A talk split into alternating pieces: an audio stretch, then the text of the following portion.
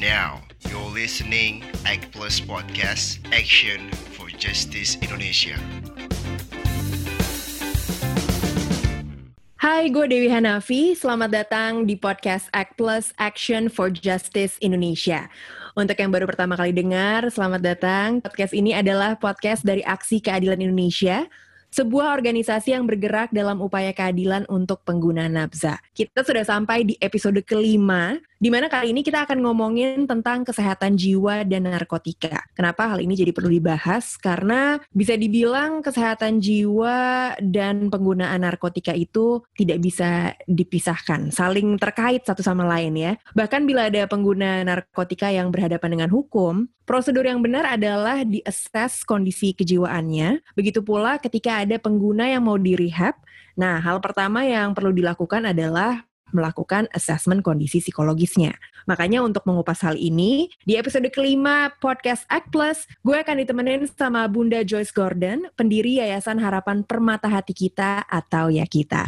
Halo Bunda. Halo juga Dewi, apa kabar? Sehat, gimana Bunda kabarnya? Mudah-mudahan sehat selalu nih ya. Alhamdulillah baik-baik aja. Alhamdulillah. Boleh diperkenalkan diri dulu Bunda kiprahnya sebagai oh, psikolog dan dan akhirnya mendirikan ya kita gimana? Ya kalau saya sih sejarahnya panjang ya. Jadi hmm. dari tahun 80-an itu memang sudah aktif dengan menangani remaja ya. Kemudian terlibat dengan perkumpulan keluarga berencana Indonesia. Jadi dari sahabat remaja ke Perkumpulan Keluarga Berencana Indonesia, kemudian terlibat dengan Program for Appropriate Technology in Health, kemudian WHO, itu biasanya dengan urusan remaja dan kemudian dengan HIV AIDS. Jadi hmm. termasuk awal-awal juga ikutan untuk membantu HIV AIDS itu dari tahun 86 lah gitu ya dan sudah tentu sebagai perkembangannya ya dengan uh, kekerasan di dalam rumah tangga dan kemudian berkembang juga dalam uh, bidang narkotika ya karena hmm. akhirnya HIV AIDS ini tidak lepas dari urusan KB, urusan KDRT, urusan ternyata kemudian drugs gitu kan. Jadi okay. akhirnya berkembangnya begitu. Jadi lama-lama jadi semuanya numpuk jadi satu ya di hmm. rehabilitasi ya kita ini semua kita hadapi. Waktu ya kita buka itu itu tanggal 9 September 99. Okay. Saat itu yang namanya rehabilitasi tidak ada yang menangani HIV AIDS. Jadi kalau ada yang punya HIV itu langsung diusir-usirin gitu ya. Hmm. Hanya Yayasan Harapan Permata Hati kita atau ya kita itu yang pertama kali menerima orang-orang dengan HIV dan menunjukkan pada orang lain bahwa mereka bisa berkarya gitu. Jangan dilihat bahwa mereka itu punya punya virus kemudian ya udah cuma jadi pasien aja gitu ya.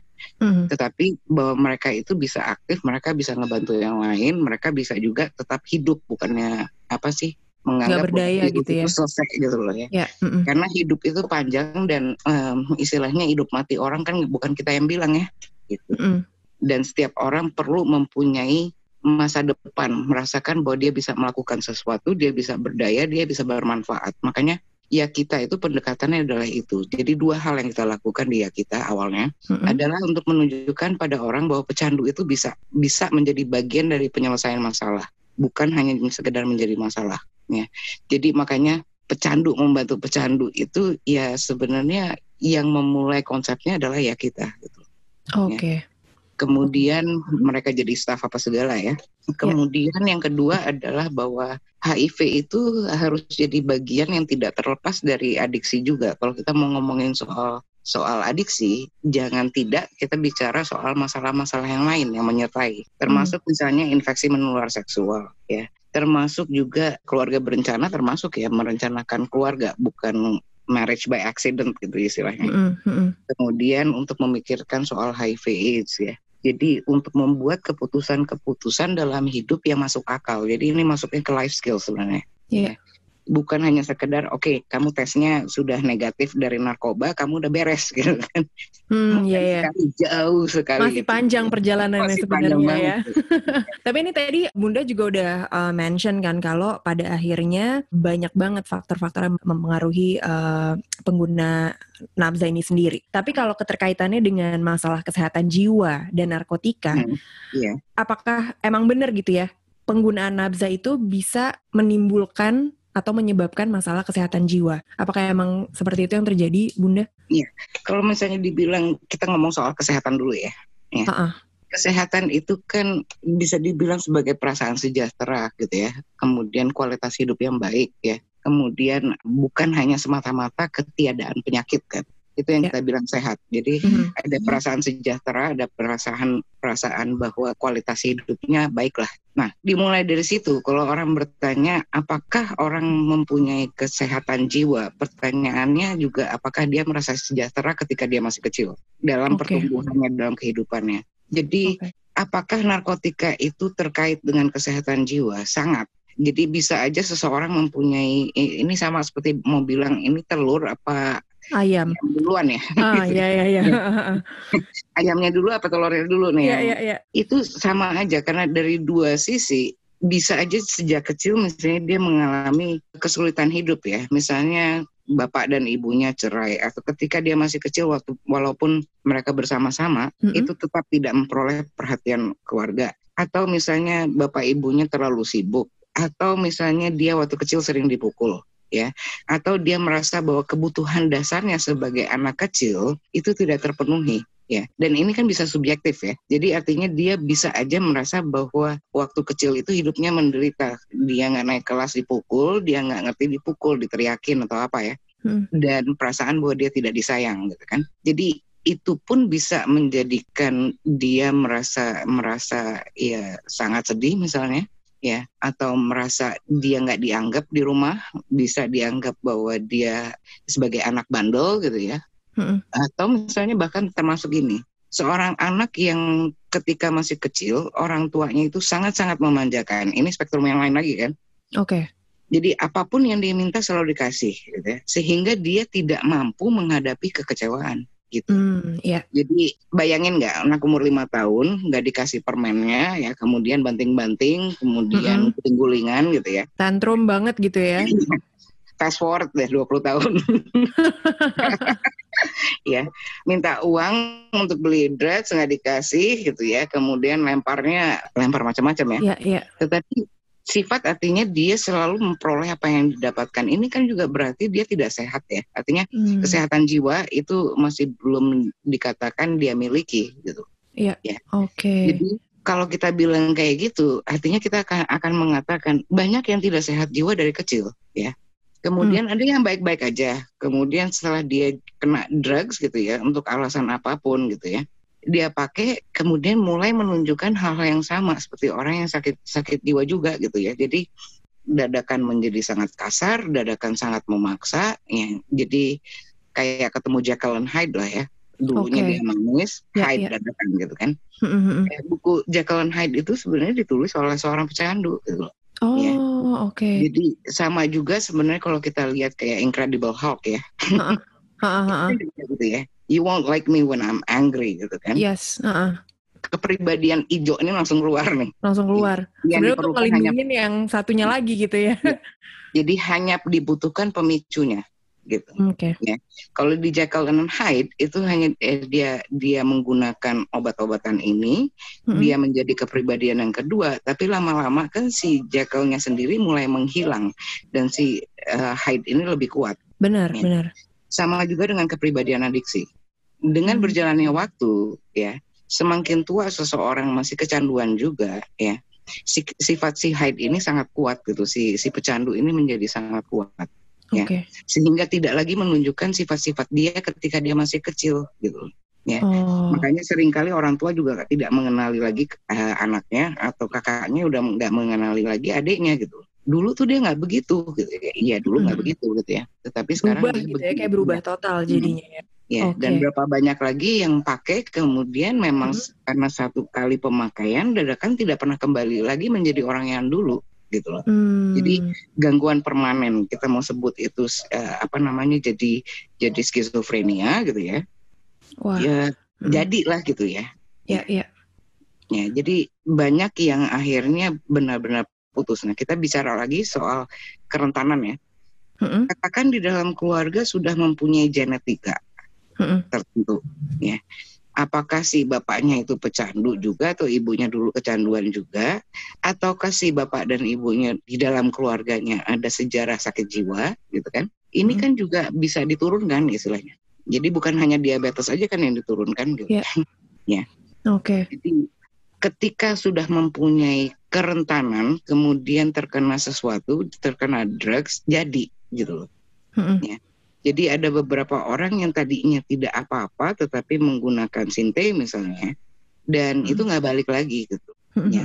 Kesulitannya adalah sering kali orang tua tidak paham soal gangguan jiwa seperti ini, masih ngotot gitu kan. Nggak mungkin anak saya itu nggak gila ya. Yang dia Mm-mm. ingat adalah zaman dulu ya. Iya, Tetapi zaman oke. sekarang ini anak ini sudah tidak bisa lagi diharapkan untuk bekerja, untuk sekolah sebagaimana yang diharapkan orang tuanya. Gitu, Oke. Mm-mm. Gitu sih. Berarti keterkaitan antara kesehatan jiwa dan masalah pengguna narkotika itu bisa dibilang it's a two way street gitu ya. Satu sama lain bisa saling mempengaruhi. Tapi eh, misalnya gini deh, satu mm-mm. satu hal ya yang bisa saya tambahin kayak gini. Orang merasa misalnya kita sedih, sedih adalah satu hal ya, itu respons eh, respons biasa ya. Ya. Tetapi depresi itu urusan lain lagi, ya kan? Oke, Itu pun bisa menjadi gangguan kan? Itu udah udah masalah kesehatan jiwa gitu loh. benar. kecemasan ya itu sudah jadi jadi kesehatan apa gangguan kesehatan jiwa juga ya frustrasi stres suicidal itu kan semua juga udah gangguan kejiwaan Ya, ya, ya. apakah membuat dia tidak fungsional sama sekali belum tentu tetapi itu juga sudah mengganggu artinya kualitas hidupnya sudah tidak baik gitu loh Karena ada tingkatannya lagi ya Bunda ya. Ya.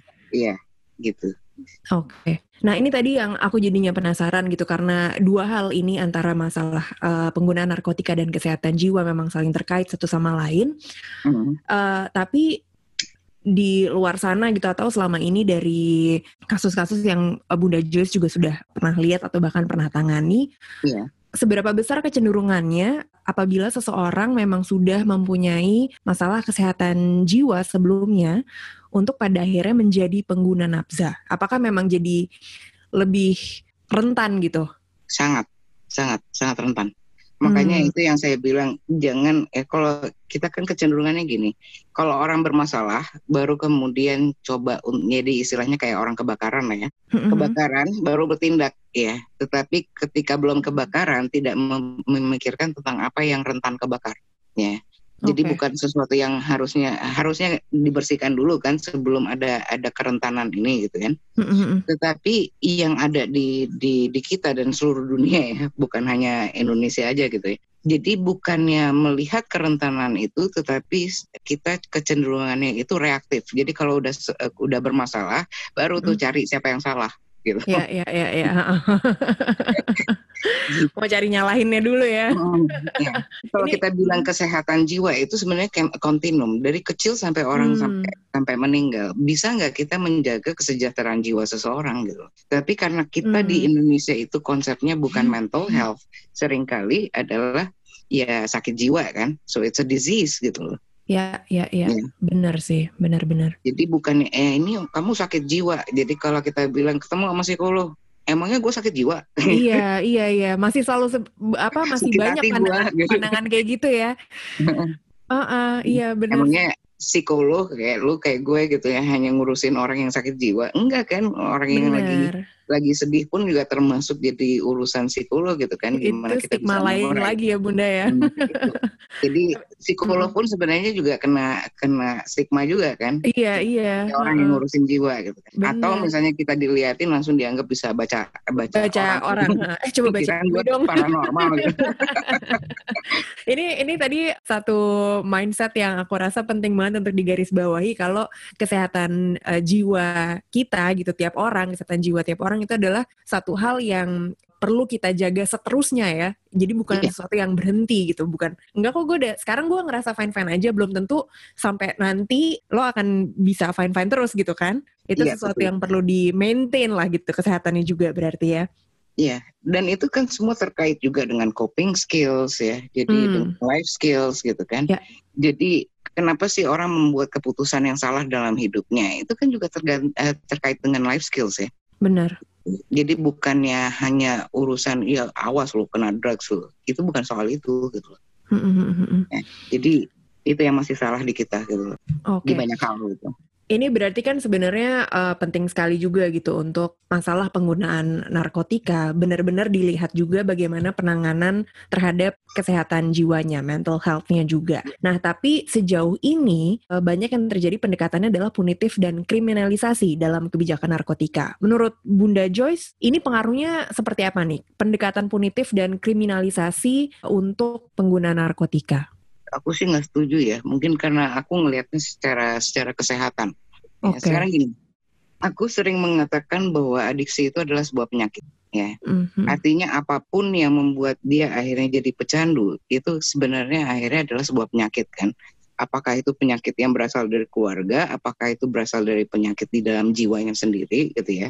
Mm-hmm. Um, jadi pasti kita melihat adiksi itu lebih dari uh, apa namanya secara secara secara dasarnya itu adalah sebagai penyakit. Tetapi kalau kita ngomongin soal kriminalisasi dan punitif, di situlah Anda bicara soal politik, hukum, ya, dan juga bicara soal rehabilitasi. Makanya -hmm. saya membedakan sekali antara rehabilitasi dengan pemulihan. Gitu. Oh, oke. Okay.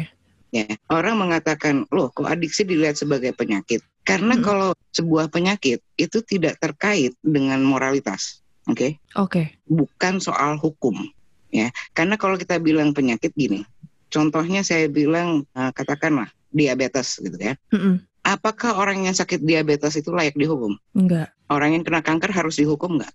Enggak. Makanya itu dia ya. Okay. Kalau kita menyadari itu sebagai penyakit, artinya kita harus mengatasi masalah itu sebagai penyakit. Mm. Ya, this is nggak selalu disease itu penyakit yang gimana gitu ya, tapi is itu membuat tidak nyaman, membuat hmm. distress pada orang yang bersangkutan, membuat distress pada orang lain di sekitarnya. Ya, yeah, jadi yeah. itu is ya, disease sama this is. Ya, ya. Ya. Hmm. Dan itu kan ngerepotin semua orang. Jadi bukannya sesuatu yang easy. benar, benar, benar. It doesn't ease anyone gitu kan. Okay. Jadi beneran bukan membuat easy gitu kan. Jadi mempersulit hidup sendiri, mempersulit hidup keluarga sehingga menimbulkan distress pada orang lain, bukan hanya distress pada diri sendiri. Jadi hmm. kayak tadi sih yang saya baru lagi ngobrol-ngobrol sama anak-anak di di pemulihan ya kita ya. Hmm. hmm, hmm. Kenapa pakai gitu kan misalnya? Hmm. Kalau menurut lu ya mereka bilang ya senang untuk melupakan masa lalu gitu kan. Yeah. Karena marah gitu kan atau karena apa pun. Tetapi juga mereka bilang untuk ngerasa pede ya, hmm. untuk ngerasa yeah. gaul ya. Okay. Artinya apa? Artinya self identity itu tidak berkembang secara psikologis. Artinya adalah dia mengambil kepribadian ready made identity gitu ya yang akhirnya dia dia dia adopt sebagai miliknya sendiri tetapi artinya hmm. dia tetap tidak memahami dirinya siapa who am yeah. I itu umur 16 sudah harus bisa kejawab kan yeah, ya yeah, yeah. minimal umur 16 kita udah punya identitas ini aku ini bukan gue ya hmm. Apa yang aku suka apa yang aku tidak suka apa yang aku nilai sebagai sangat penting apa yang tidak penting gitu kan. Beneran ada maknanya ya sebenarnya pencarian identitas diri gitu kan. Itu kan life skills kan sebenarnya. Iya iya iya. Itu yang nggak nyampe. Makanya kalau hmm. kita kita majuin ke depan gitu ya.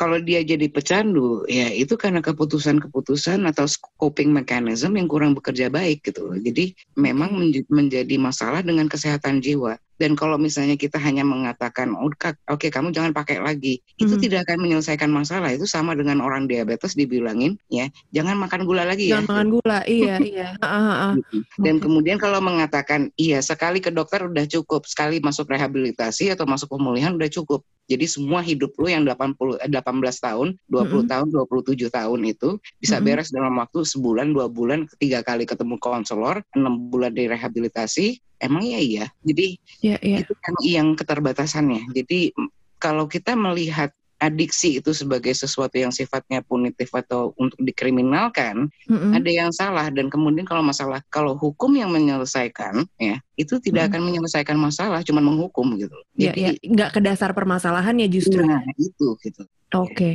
Jadi Tadi, apakah uh-uh. sudah pernah ada misalnya orang ini mencari kesembuhan gitu kan? Hmm. Apakah sudah ada upaya sebelumnya gitu kan? Jadi itu yang harus di, eh, dilewatin dulu. Nah sekarang kalau kita ngomong soal assessment, yang assess ini paham nggak gitu loh? Bukan hanya sekedar menjawab menjawab uh, lembar assessment ya. Apakah dia mampu menggali? Apakah dia bisa melihat gambaran secara umumnya? Bukan hanya soal drugs apa yang dia pakai Hmm. Ya, itu istilahnya cuman puncak gunungnya ya yang membawa dia ke depan masalah hukum ini. Hmm. Dasar gunungnya apa aja nih? Gitu. Oke. Ya. Itu puncak Jadi kalau keluar dari penjara, katakan iya, katakan dia keluar dari penjara, emangnya masalah hidupnya selesai? Iya. Gitu. Oke. Ya. Jadi dia akan tetap kembali kepada orang tua yang lebih marah dari sebelumnya, ya. Heeh, heeh. Kalau dia udah menikah hatinya istri dan anak-anaknya, gitu kan? Ya. Dan apalagi yang jadi masalah dalam hidupnya, karirnya juga bahkan berhenti, sekolahnya berhenti, apa pun berhenti. Gitu. Hmm. Makin lagi masalah nambah gitu.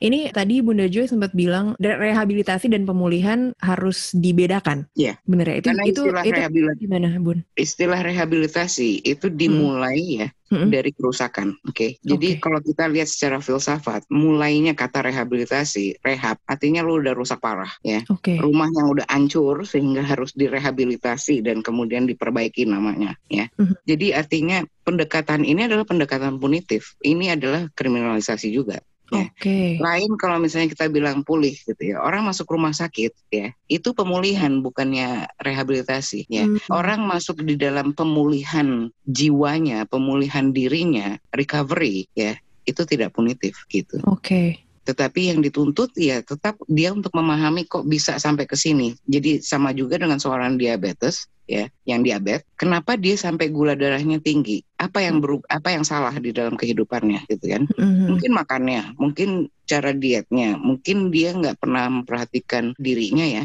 gitu. Jadi kebiasaan di rumahnya kalau semuanya makan manis terus ya, ya dia karena dia punya diabetes ya dia akan sakit terus gitu. Iya. Dan untuk masuk sekali ke dokter disuntik nggak selesai masalahnya Hmm. gitu. Oke. Berarti penggunaan terminologi atau istilahnya juga berpengaruh sebenarnya ya. Iya, makanya ya kita itu mau memulai kata-kata itu gitu loh, pemulihan. Pemulihan. Ya, karena kita merasa bahwa manusia itu sebenarnya pada dasarnya baik. Itu filsafatnya ya. Iya. Kita pulihkan ke harkatnya yang terbaik ya. Hmm. Artinya, kapan sih kita bisa sempurna? Iya lama ya. Tapi usaha boleh dong gitu kan. Benar-benar. Ya, jadi bahkan menemukan hal-hal yang selama ini kita tidak pernah ketahui tentang diri kita sendiri. Ya, makanya di dia kita itu bahasan kita itu bukan hanya sekedar soal drugs ini dan itu gitu, tetapi bagaimana dia bisa mengenali dirinya sendiri, ya, bagaimana cara bergaul yang benar gitu ya, termasuk bagaimana dia mengenali masa depannya mau ke mana gitu kan Mm-mm. uh, konsekuensi dari dari setiap keputusan gitu kan itu mereka belajar di di dalam pemulihan kita gitu Oke. Ini kalau ada pengguna narkotika yang masuk pemulihan ya akhirnya. Penanganan masalah eh, untuk kejiwaannya, kesehatan jiwanya seperti apa sih Bunda? Apakah harus memang juga melibatkan emang penggunanya aja atau jadinya harus melibatkan keluarga atau pihak-pihak lain yang Semuanya. terdampak? Ah, seperti apa? jadi semuanya kalau dibilang kan dari dari stafnya juga banyak pecandu jadi istilahnya banyak yang sudah melewati hal yang sama sebelumnya ya Oke. kemudian juga ada kayak saya dan sebelumnya juga dengan suami saya gitu ya sebagai sama-sama psikolog yang bisa ngebantu juga Mm-mm. kemudian si konselor juga tinggal kan 24 jam dengan anak-anak ini gitu ya jadi artinya mereka juga bisa ngobrol sama mereka gitu karena kapan pun Oke. Kemudian yang penting juga di sisi lain dengan keluarga karena keluarga itu adalah bagian dari penyelesaian masalah dan sering kali juga penyebab masalah. Hmm. Ya, contoh ya misalnya saya saya tunjukkan contoh itu ada misalnya satu keluarga di mana si anaknya jadi pecandu. Waktu masih kecil yang dia ingat adalah bapak dan ibunya berantem dan kemudian si ibu mau membunuh dia, membunuh diri, membunuh semua anak-anaknya. Jadi kebayang nggak itu mengganggu dia. Jadi Iya, iya.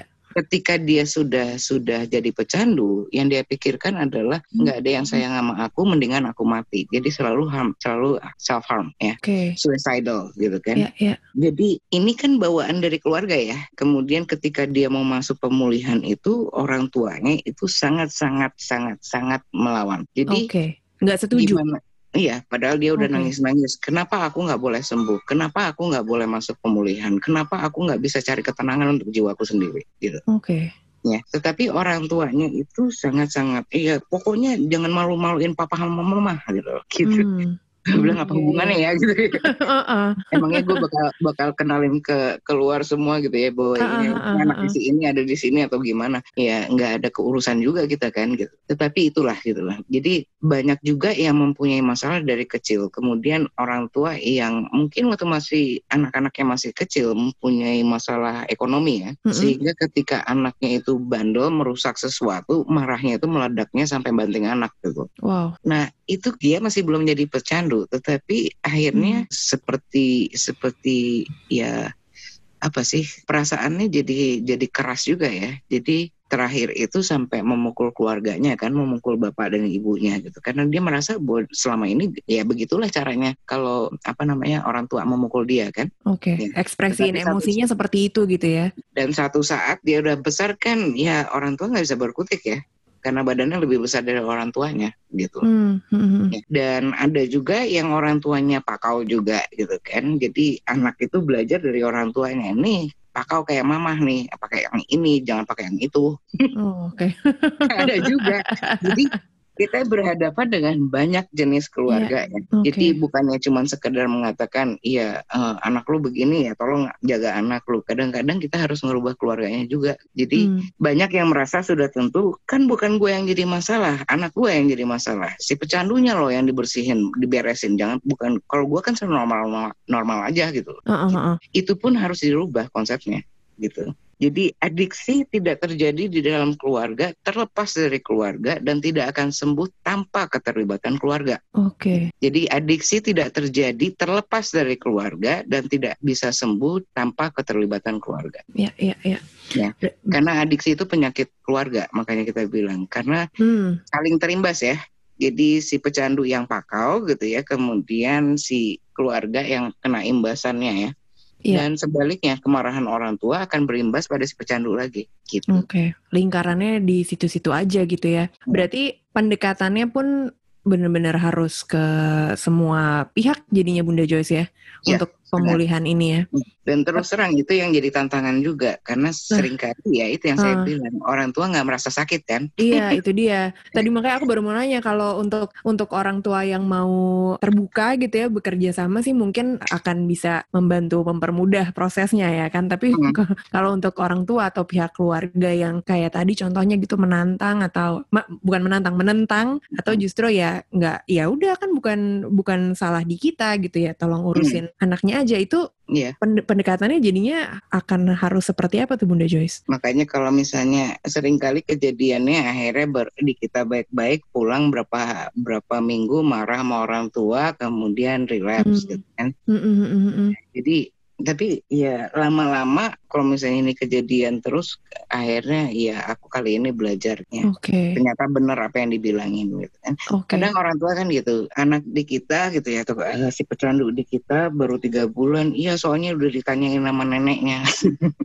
Akhirnya dibawa pulang, dia bilang jangan belum beres gitu. Ya karena dia jadi pecandu 20 tahun gitu ya, tiga bulan dia kita Hmm. sakti banget gitu, udah berubah gitu kan. Iya, iya, iya, iya. Dan dibawa pulang sudah tentu dengan resiko yang lebih parah gitu, Oh, gitu. Hmm. Karena belum ada perubahan tiga bulan di dalam pemulihan orang baru fokus aja belum belum sepenuhnya istilahnya nyampe ya jadi badan udah di situ pikiran belum tentu udah nyambung gitu loh ya, ya, ya. Oke. Gitu.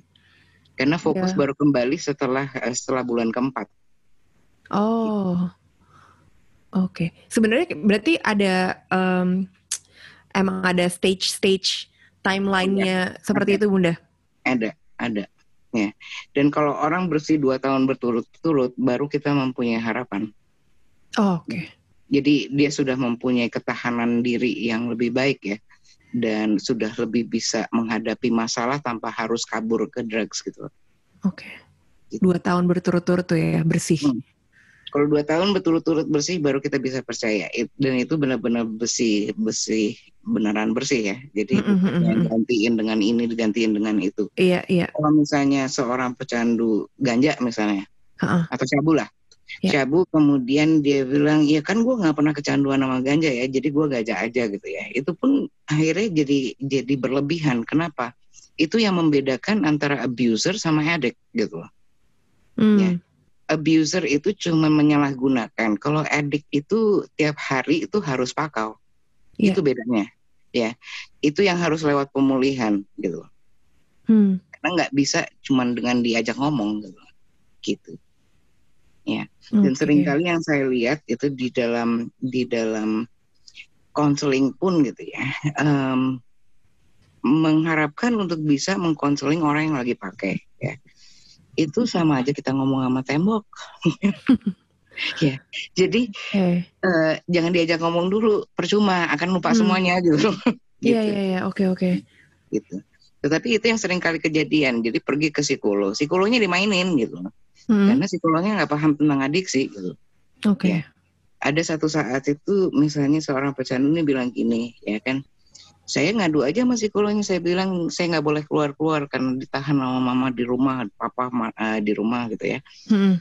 akhirnya saya ngaduin gimana saya bisa beres hidup saya kalau misalnya saya di rumah terus gitu kan hmm. gitu. si psikolognya marah-marah sama orang tuanya lah gitu kan bapak sama ibu tuh harus melepaskan anak gini gini gini gini gini ya dalam waktu singkat lah dia relapse gitu karena Waduh. memang menggunakan si si si uh, si psikolognya ini gitu ya mm -mm. Untuk cari kebebasan itu gitu loh. Justru dijadiin senjata ya. Iya. Buat Jadi makanya keluar. Bah bahkan di dalam psikologi pun ya mm -mm. Uh, pendidikan soal adiksi atau jiwa yang adiktif itu masih terbatas. Oh oke. Okay.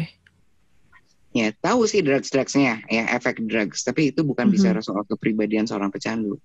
Ya. Hmm. Di situ kita ketemu semua yang klinis istilahnya. Ya. ya. Dari kepribadian ya, gangguan kepribadian dengan penyakit-penyakit penyerta gitu ya. Hmm. Dengan keluarga, dengan segala macam ya. Semua semua ilmu masuk tuh di situ. Iya, iya. Gitu. Oke. Okay. Ini um, berarti kan sebenarnya konseling masalah kejiwaan, kesehatan jiwa itu bisa dikatakan sebagai salah satu tindakan preventif sebelum satu masalah termasuk penggunaan nafza itu terjadi ya kan. Mm-hmm.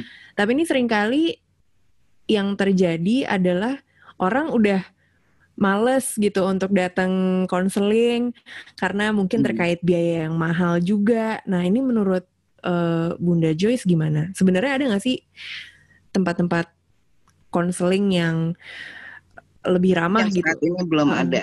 Sama kalau Itu belum ada ya? Belum.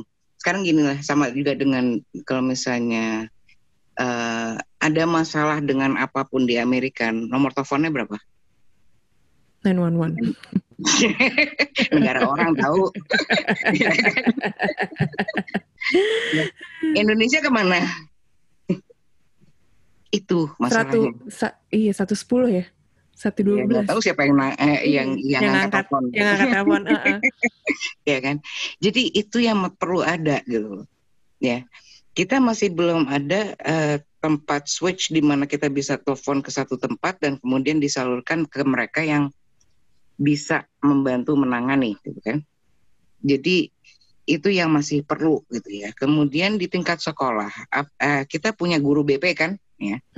Apakah guru BP ini benar-benar terlepas dari akademik atau hanya memanggil kalau ada masalah akademik gitu, ya? Karena itu adalah tempat-tempat yang sangat baik untuk memulai ya, hubungan dengan konselor dan um, untuk konseling, ya. Tetapi apakah seseorang itu bisa ngerasa bebas bicara di sekolah, ya? Karena itu harusnya terlepas dari akademik, gitu. Ya. Mm. Nah, saat ini ya, kemudian pertanyaan berikutnya, apakah eh, konselor-konselor BP ini juga sudah mempunyai dasar untuk memahami tentang eh, kerentanan gitu kan? Iya. Mm -mm. Itu, itu juga perlu kan. Jadi kerentanan kan bisa macam-macam ya, dari masalah rumah, kemudian masalah eh, apa namanya? kesehatannya, masalah dengan keluarganya gitu kan, home life-nya gitu kan. Mm -mm. Jadi kemudian education-nya juga gimana gitu kan um, pendidikannya gitu kan. Apakah ada yang mendukung di rumah atau tidak gitu kan. Mm-hmm. itu semua kan sangat sangat sangat uh, berdampak ya. Yeah. tetapi kalau misalnya di rumah sama sekali nggak ada ya dukungan gitu ya. Dan mm-hmm. kemudian juga nggak ada orang dewasa yang dia bisa pegang di rumah untuk menjadi pembimbing dan pembina yang sehat ya. Akibatnya apa? Gitu. Jadi dari dari sekolah pun ya memang tugasnya banyak ya Tugasnya banyak banget gitu loh. Nah, juga dari psikolog-psikolog di sekolah gitu kan. Apakah seorang anak itu dipanggil hanya kalau dia bermasalah? Jadi artinya asosiasi yang yeah. berkembang adalah kalau lu dipanggil psikolog atau lu dipanggil BP, lu bermasalah BP. nih gitu. Iya gitu benar. Kan? Uh-uh.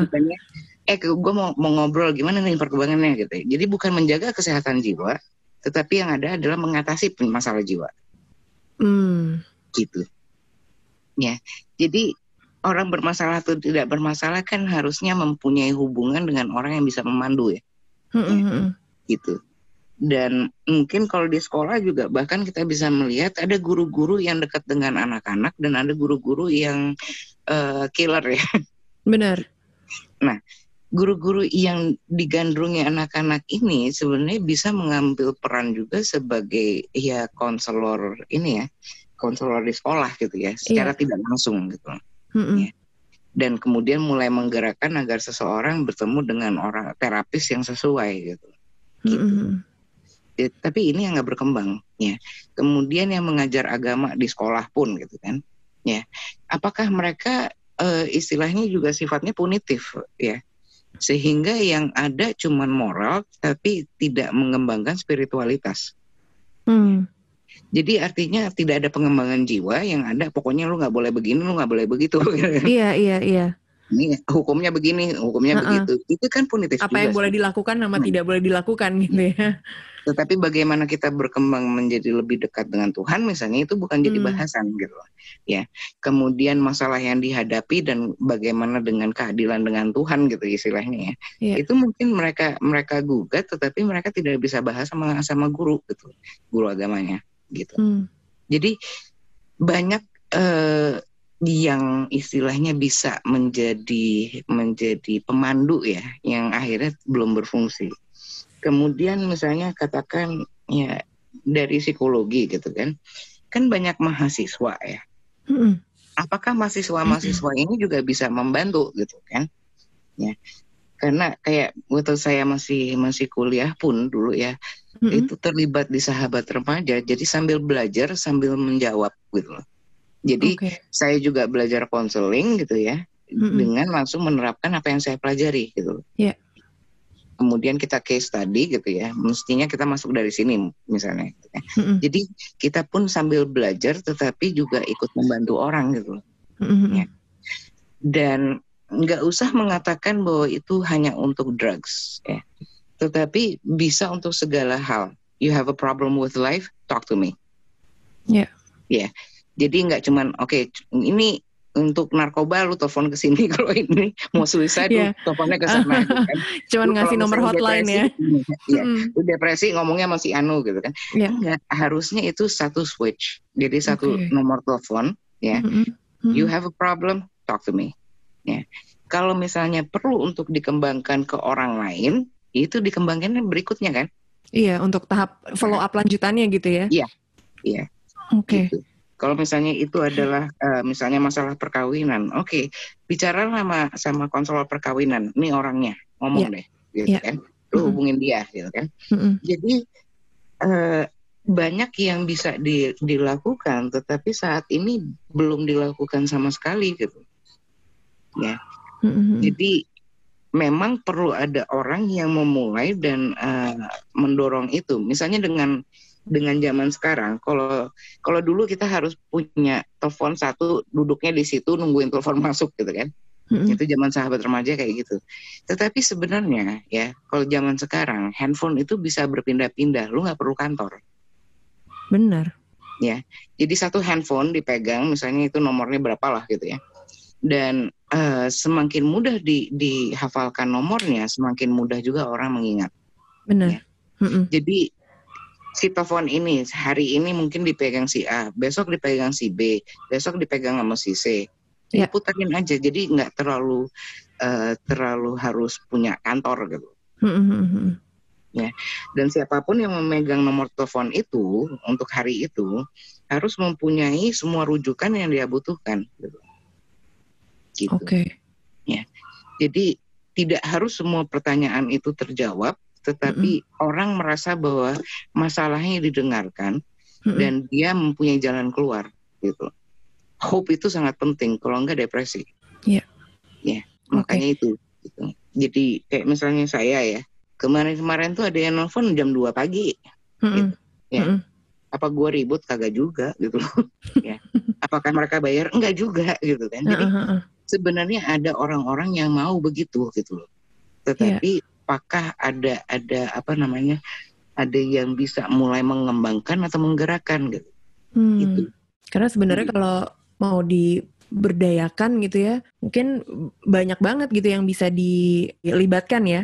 Sangat. Seperti tadi misalnya mungkin dari mahasiswa psikologi Hmm. sendiri gitu sekaligus belajar juga dan berarti justru sebenarnya dengan kita udah di zaman teknologi seperti ini ya, kemajuan teknologi, pemanfaatan teknologi sebenarnya bisa membantu konseling itu jadi lebih accessible buat Hmm. banyak orang ya. Iya, kan banyak juga yang jago untuk untuk online ya, jago untuk bikin website gitu kan. Mm-mm. Kenapa nggak bikin nggak bikin website yang bisa orang tanya jawab gitu? Iya. Itu termasuk kan gitu ya. Jadi kalau ada yang pernah bertanya gitu ya, mungkin akan keluar sebagai topik.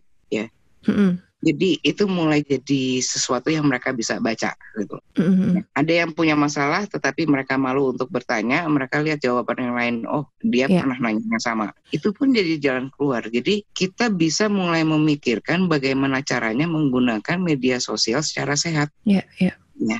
dan untuk membantu, bukan hanya untuk pasang selfie istilahnya. Iya iya iya. Ini sebenarnya tadi tekniknya kayak zaman dulu lah ya di majalah suka ada kolom tanya masalah gitu terus ada Iya. pakar yang menjawab gitu kan Iya. berusaha menjawab dan memberikan solusi. Tadi sebenarnya kalau kita ngomongin perihal konseling, kalau bimbingan penyuluhan gitu di sekolah sebenarnya bisa menjadi satu landasan awal lah ya pencegahan sejak Iya. usia dini atau untuk membantu menja- menjaga kesehatan mental anak-anak gitu kan. Tapi sebenarnya dari usia berapa sih eh, Bunda Joyce kita bisa mulai aware gitu ya dengan dengan kesehatan jiwa kita atau sebenarnya ada hal-hal apa sih yang perlu kita cek ke diri kita sendiri gitu pertanyaan mudah apa gitu yang untuk self check kalau palingnya kita kita tahu aja nih mental state kita tuh seperti apa gitu karena kan kayaknya pembahasan mental health atau kesehatan jiwa ini kan lumayan baru marak di tahun-tahun belakangan ini nih Hmm. orang udah lebih mindful gitu lebih Hmm. pengen uh, menjaga kesehatan mental gitu Iya. nah ini tuh sebenarnya Sebenarnya ada hal simpel nggak sih yang bisa kita lakukan untuk beneran self check ke diri sendiri? Sebenarnya kita mulai mengembangkan itu kalau misalnya dari kecil ya. Jadi pertanyaannya adalah ya jawabannya kalau misalnya kita lihat katakan anak umur lima tahun sudah tentu beda ya. Umur tujuh tahun udah beda. Kita lihat psikologi perkembangan lah. Mm-mm. Itu kan setiap usia mempunyai masalahnya sendiri gitu kan. Iya, Dan eh, kalau dari kecil sudah dibiasakan untuk bisa konseling, jadi kamu lagi marah kenapa? Oh ya tadi mama jahat gini kan. Itu Mm. walaupun kekanak-kanakan gitu ya, tetapi Mm-mm. dia mulai menyadari, mulai belajar bahwa konselor itu bukan hanya orang yang sakit jiwa gitu. gitu. Ya. Mm-mm. Mm-mm. Kalau ada sesuatu yang berbahaya di rumah gitu kan, dia bisa ngobrol, masa papa kemarin gini gini gini gitu kan, ya. Kamu kenapa kok mau marah? Iya aku kemarin itu kan papa kan marah ya, kemudian aku dipukul gitu kan, Mm-mm. contohnya gitu kan. Mm-mm. ya nggak apa-apa nanti aku, nggak bilang-bilang kok tapi kamu kenapa gitu kan jadi kita ngobrol gitu kan itu kan dengan mindset seorang anak kecil ya Iya. jadi mulai memperkenalkan konsep konseling itu Sebenarnya bentuknya adalah komunikasi ya Bunda ya. iya betul gitu Bisa Jadi- dimulai dari rumah bahkan ya Bisa. berarti. ya bisa dimulai dari rumah ke- kecuali kalau rumahnya itu juga kacau ya jadi Ya, ya, ya. Satu pengecualian lagi. kan termasuk misalnya gini Betul. kalau anak masuk ke sekolah dengan pakaian yang sangat-sangat kotor ya Mm-mm. Mm-mm. Kemudian tiap hari nih ya, bukan karena dia jatuh ke got sebelum ke sekolah gitu ya. Iya. Tetapi secara rutin gitu ya.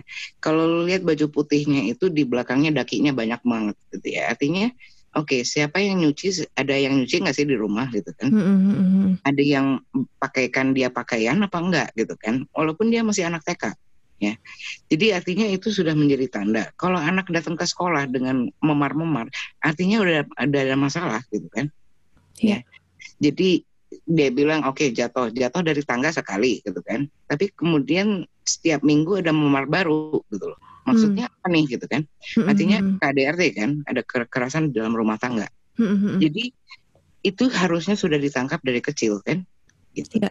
nah kalau untuk ke kita sendiri semakin kita dewasa pertanyaannya adalah apakah aku cukup bahagia apakah aku cukup puas walaupun hidupku tidak sempurna ya Ya. ya apa yang bisa aku banggakan apa yang aku sukai dengan diriku apa yang tidak aku sukai dengan diriku gitu. Mm.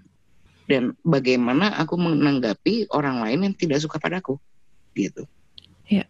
Nah, karena biasanya kalau misalnya masih muda mungkin pemikirannya gitu kan "Oh, si ini nggak suka sama aku itu nggak suka sama aku." kalau kalau udah udah lebih tua tuh masa bodoh lah gitu Ya. Iya iya iya. satu dua orang nggak suka emangnya eh, kita bisa disukai semua orang pasti enggak Ha-ha. lah Mm-mm. itu nggak nggak masuk akal gitu ya Iya. kalau mau jadi presiden pun nggak semuanya akan sayang sama lu gitu loh. Betul. Apalagi. Apalagi Iya, jadi presiden.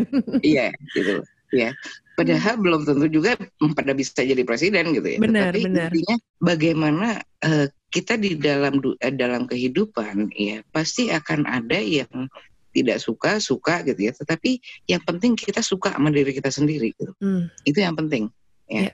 Ada masalah di dalam Hmm. hidup kita tetapi kita bisa mengatasinya dengan baik dan kita merasa bahwa kita bisa menghadapi itu dengan baik gitu loh. Ya. jadi siapa sih yang nggak punya masalah semua orang punya masalah kok gitu loh Hmm. tetapi bagaimana kita menghadapi masalah itu gitu loh ya misalnya gini katakan putus pacar semua orang pernah putus pacar gitu ya tetapi kalau tiga bulan nggak keluar dari rumah tidur di kamar melulu ya dengerin lagu blues terus gitu ya Heeh, heeh. itu udah nggak sehat gitu loh Iya iya iya. Jadi kita tahu kok apa yang menjadi norm, artinya normal ya. Jadi Mhm. kalau kita ngelihat dari statistik itu kan yang di, di tengah itu ya rata-rata Yes. orang gitu kan. Mm-mm. Jadi apakah respons kita pada hidup itu seperti rata-rata orang? Hmm. Itu yang paling penting kan, normal. Oke, iya. A- Ataukah lebih baik dari kebanyakan orang? Ataukah justru lebih buruk daripada kebanyakan orang? Di situlah kita mulai gauge yang namanya normal, abnormal. Gitu Hmm. Ya bersedih karena ada yang putus pacar gitu ya bersedih masuk akal gitu ya tetapi apakah tiga bulan mengunci diri di kamar nggak mau makan atau kemudian nyanyi nyanyi di bawah jendela dia itu jadi normal gitu Hmm, hmm, hmm, hmm. Nggak kan gitu kan Iya. jadi kita harus bisa gauge berdasarkan apa sih rata-rata orang kalau kayak gini gimana Ya.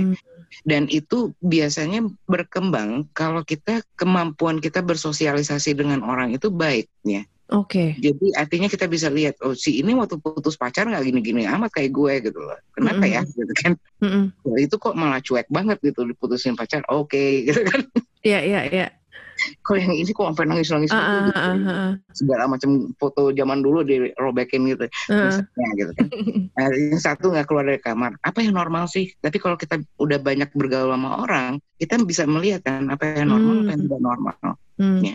Masalahnya dengan pecandu, mereka berkumpul sepenuhnya banyakkan dengan sesama pecandu. Ya. Ya. Jadi artinya yang responsnya itu ya terhadap kehidupan itu ada solusinya adalah drugs gitu loh. Mm-mm. Jadi masa di dalam pemulihan itu sebenarnya adalah pembelajaran bagaimana dia bisa seperti orang yang lain gitu ya untuk bisa melihat tanpa berlebihan jadi sedih atau gimana karena putus pacar harus pakai drugs gitu. Iya iya. Tetapi bagaimana dia menyikapi putus pacar itu dengan cukup dewasa dan sering kali memang perkembangan mental dan jiwa itu termasuk emosional itu kayak nyangkut. Jadi katakan gini, orang pakai umur 15 ya, masuk Mm-mm. pemulihan ketika umur 25. Mm-mm. Usia kronologis mungkin 25, usia mental baru 15 17 tahun. Oke. Ya, jadi tugas perkembangannya adalah seperti usia 17, Usia 17 bukan tahun. usia 25. gitu. Oke. Ya, jadi kalau misalnya orang tua mengatakan, lihat dong saudara kamu gini, lihat dong papa zaman dulu umur si kamu itu udah begini, Iya iya. beda karena bapaknya nggak kayak zombie, ya nggak tidur gitu loh Iya. ya, dalam Mm-mm. dalam dalam apa pelukan drugs ya Mm-mm, mm-mm.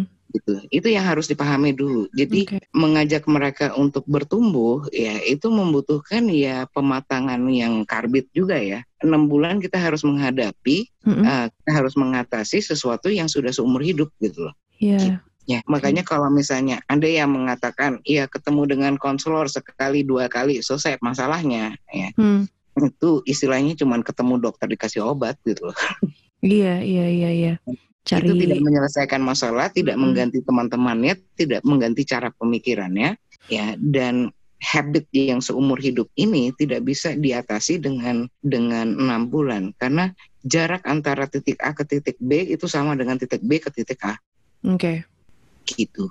Sama lamanya ya. Kalau ada yang Sama. bilang emang nggak ada yang instan ya, apalagi soal pemulihan seperti Iya. ini ya Bunda ya. Ya, jadi bukan berarti dia harus di dalam pemulihan selamanya di dalam rehabilitasi, bukan itu ya maksud saya. Uh-uh.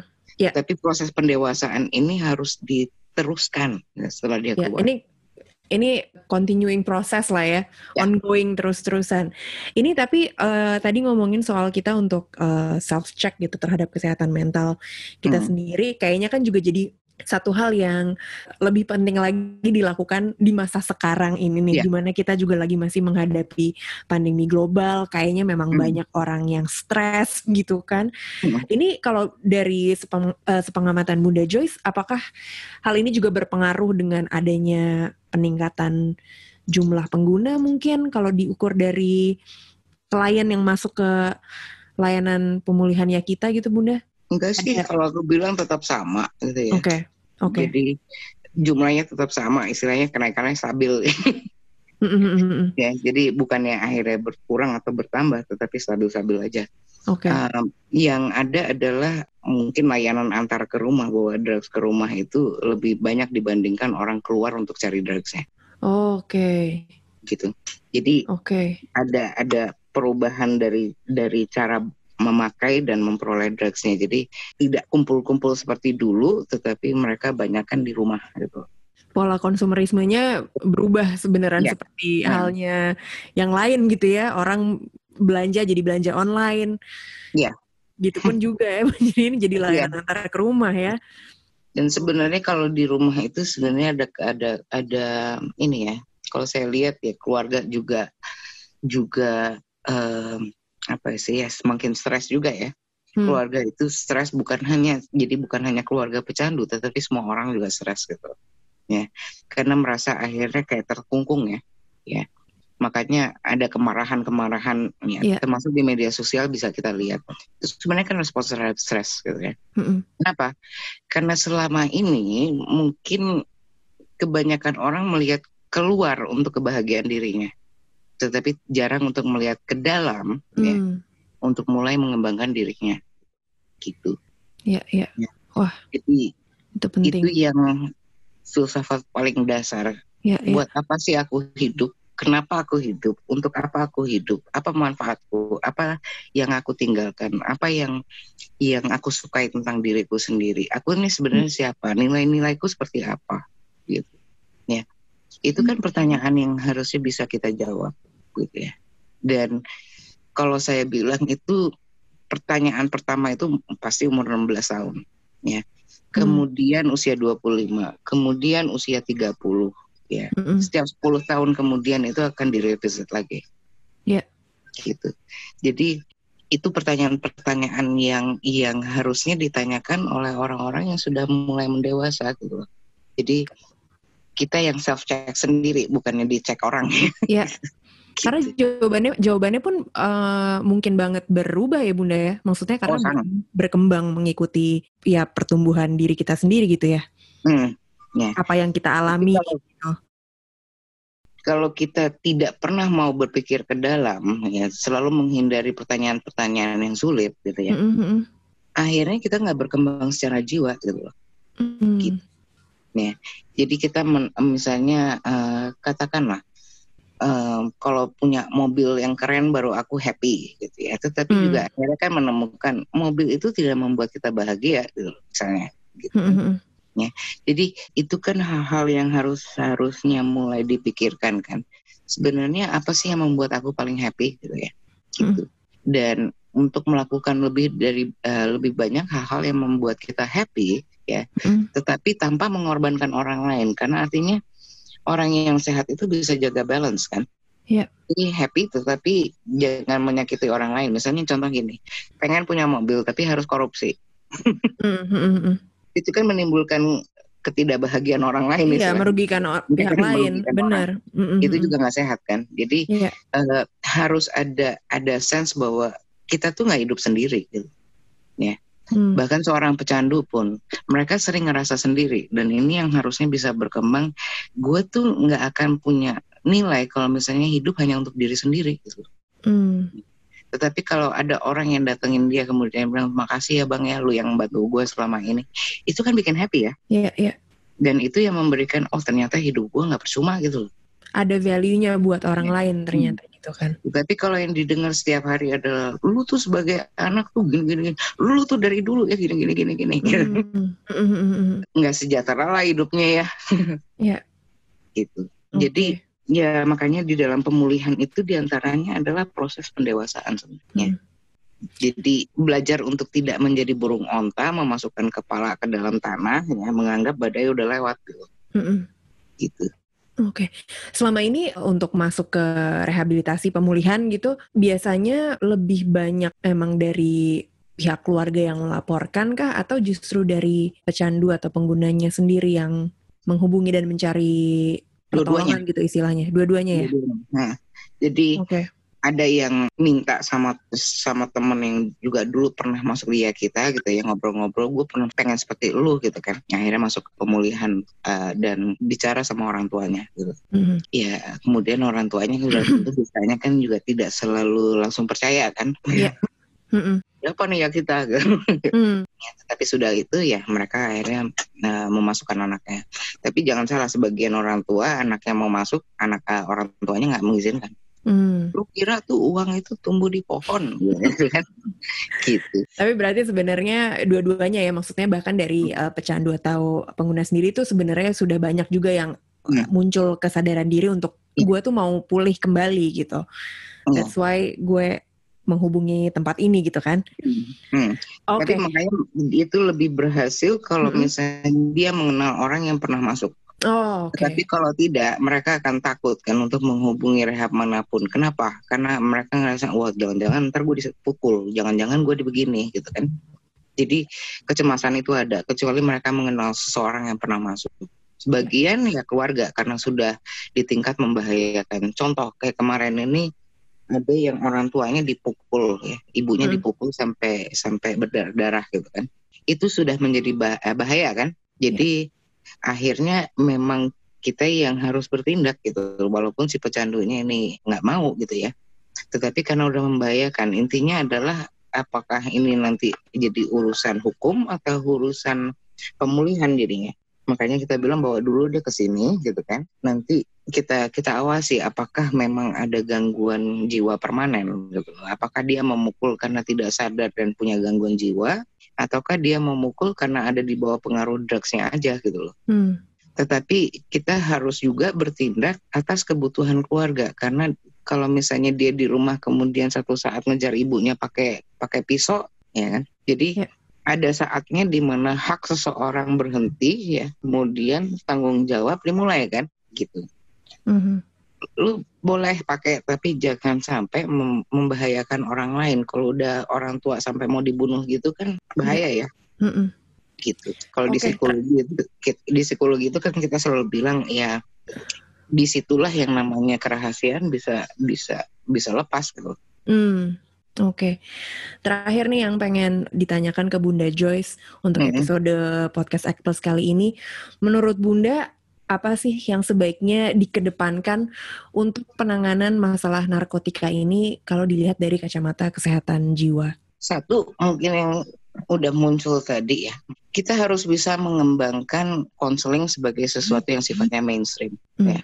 Jadi artinya tidak lagi dilihat sebelah mata atau tidak lagi dilihat sebagai hanya untuk orang sakit jiwa. Ya. Ya, itu yang pertama. Kedua adalah untuk benar-benar mengembangkan life skills di seluruh usia. Gitu. Mm. Ya. Jadi ini yang masuk life skills itu bukan hanya sekedar bilangnya just say no to drugs itu nggak bakal berhasil ya. Tetapi untuk, untuk gimana sih ngambil keputusan yang sehat, gimana sih kita bisa mempertimbangkan dengan baik gitu ya. Ya. Dan terutama gitu ya eh, di masa-masa SMA itu juga termasuk contoh kalau misalnya masa kecil beda lagi. Misalnya gini, kalau life skills itu termasuk ketika mau menyeberang jalan ya untuk melihat ke kanan dan ke kiri itu termasuk life skills loh. Ya. Ya. Dan kalau misalnya sudah sudah dewasa gitu ya, itu kan life skillsnya soal yang lain lagi gitu. Aku pacaran sama yang ini apa yang itu gitu kan. Mm-mm. Itu juga termasuk life skills juga. Jadi bagaimana kita mengambil keputusan ya berdasarkan pertimbangan dan kemampuan untuk mempertimbangkan segala hal ini Mm-mm. harusnya sudah menjadi keterampilan pribadi. Gitu. Ya. Tuh. Kemudian apalagi yang dikedepankan yang lain ya artinya jadi harus ada ya tempat untuk nelfon atau tempat untuk menjadi tempat orang eh, konseling ya Mm-mm. ya yang tersedia tanpa batas eh, batas provinsi atau apa gitu ya Oke. jangan sampai kita nelfonnya 911 terus gitu Mm-mm. gitu. Kemudian bagaimana kita meras- eh, memberdayakan orang sehingga orang merasa berdaya untuk berkontribusi. Karena orang yang tidak bermanfaat atau merasakan dirinya bermanfaat, ya itu cuma akan mencari masalah ke depannya bagi Iya. dirinya sendiri. Ya, jadi bagaimana kita bisa bisa mengembangkan, eh ternyata aku bisa loh ngebantuin orang. Ternyata Mm-mm. aku bisa loh. Jadi bukan hanya menjadi korban gitu. Itu bedanya jadi korban sama menjadi orang yang bermanfaat. Ya. Menjadi orang yang bisa kontribusi ada perubahan gitu. Jadi itu yang kita harus cari. Oke. Ini banyak banget eh, insight yang didapat dari obrolan bersama Bunda Joyce untuk episode kelima podcast Act Plus kali ini soal kesehatan jiwa, keterkaitannya dengan penggunaan narkotika, atau bahkan tentang kesehatan jiwa itu sendiri ya. Mudah-mudahan nih kalau yang mendengarkan juga ada yang mungkin eh, berkecimpung gitu di psikologi gitu atau tertarik untuk berkontribusi jadinya mungkin bisa menjadi solusi ya untuk membuka konseling atau ya itu tadi ya satu tempat yang bisa jadi ibaratnya hotline bantuan untuk orang-orang yang membutuhkan ya Bunda ya. Iya sangat. Terima kasih banyak Bunda Joy sudah Oke, sama-sama. eh, meluangkan waktunya dan Sama-sama. uh, berbagi insight untuk podcast Act Plus kali ini dan pastinya terima kasih juga untuk teman-teman yang udah dengerin. Kalau gitu kita pamit dulu. Bunda Joy sekali lagi terima kasih banyak. Sama-sama untuk teman-teman. Sampai jumpa di episode berikutnya.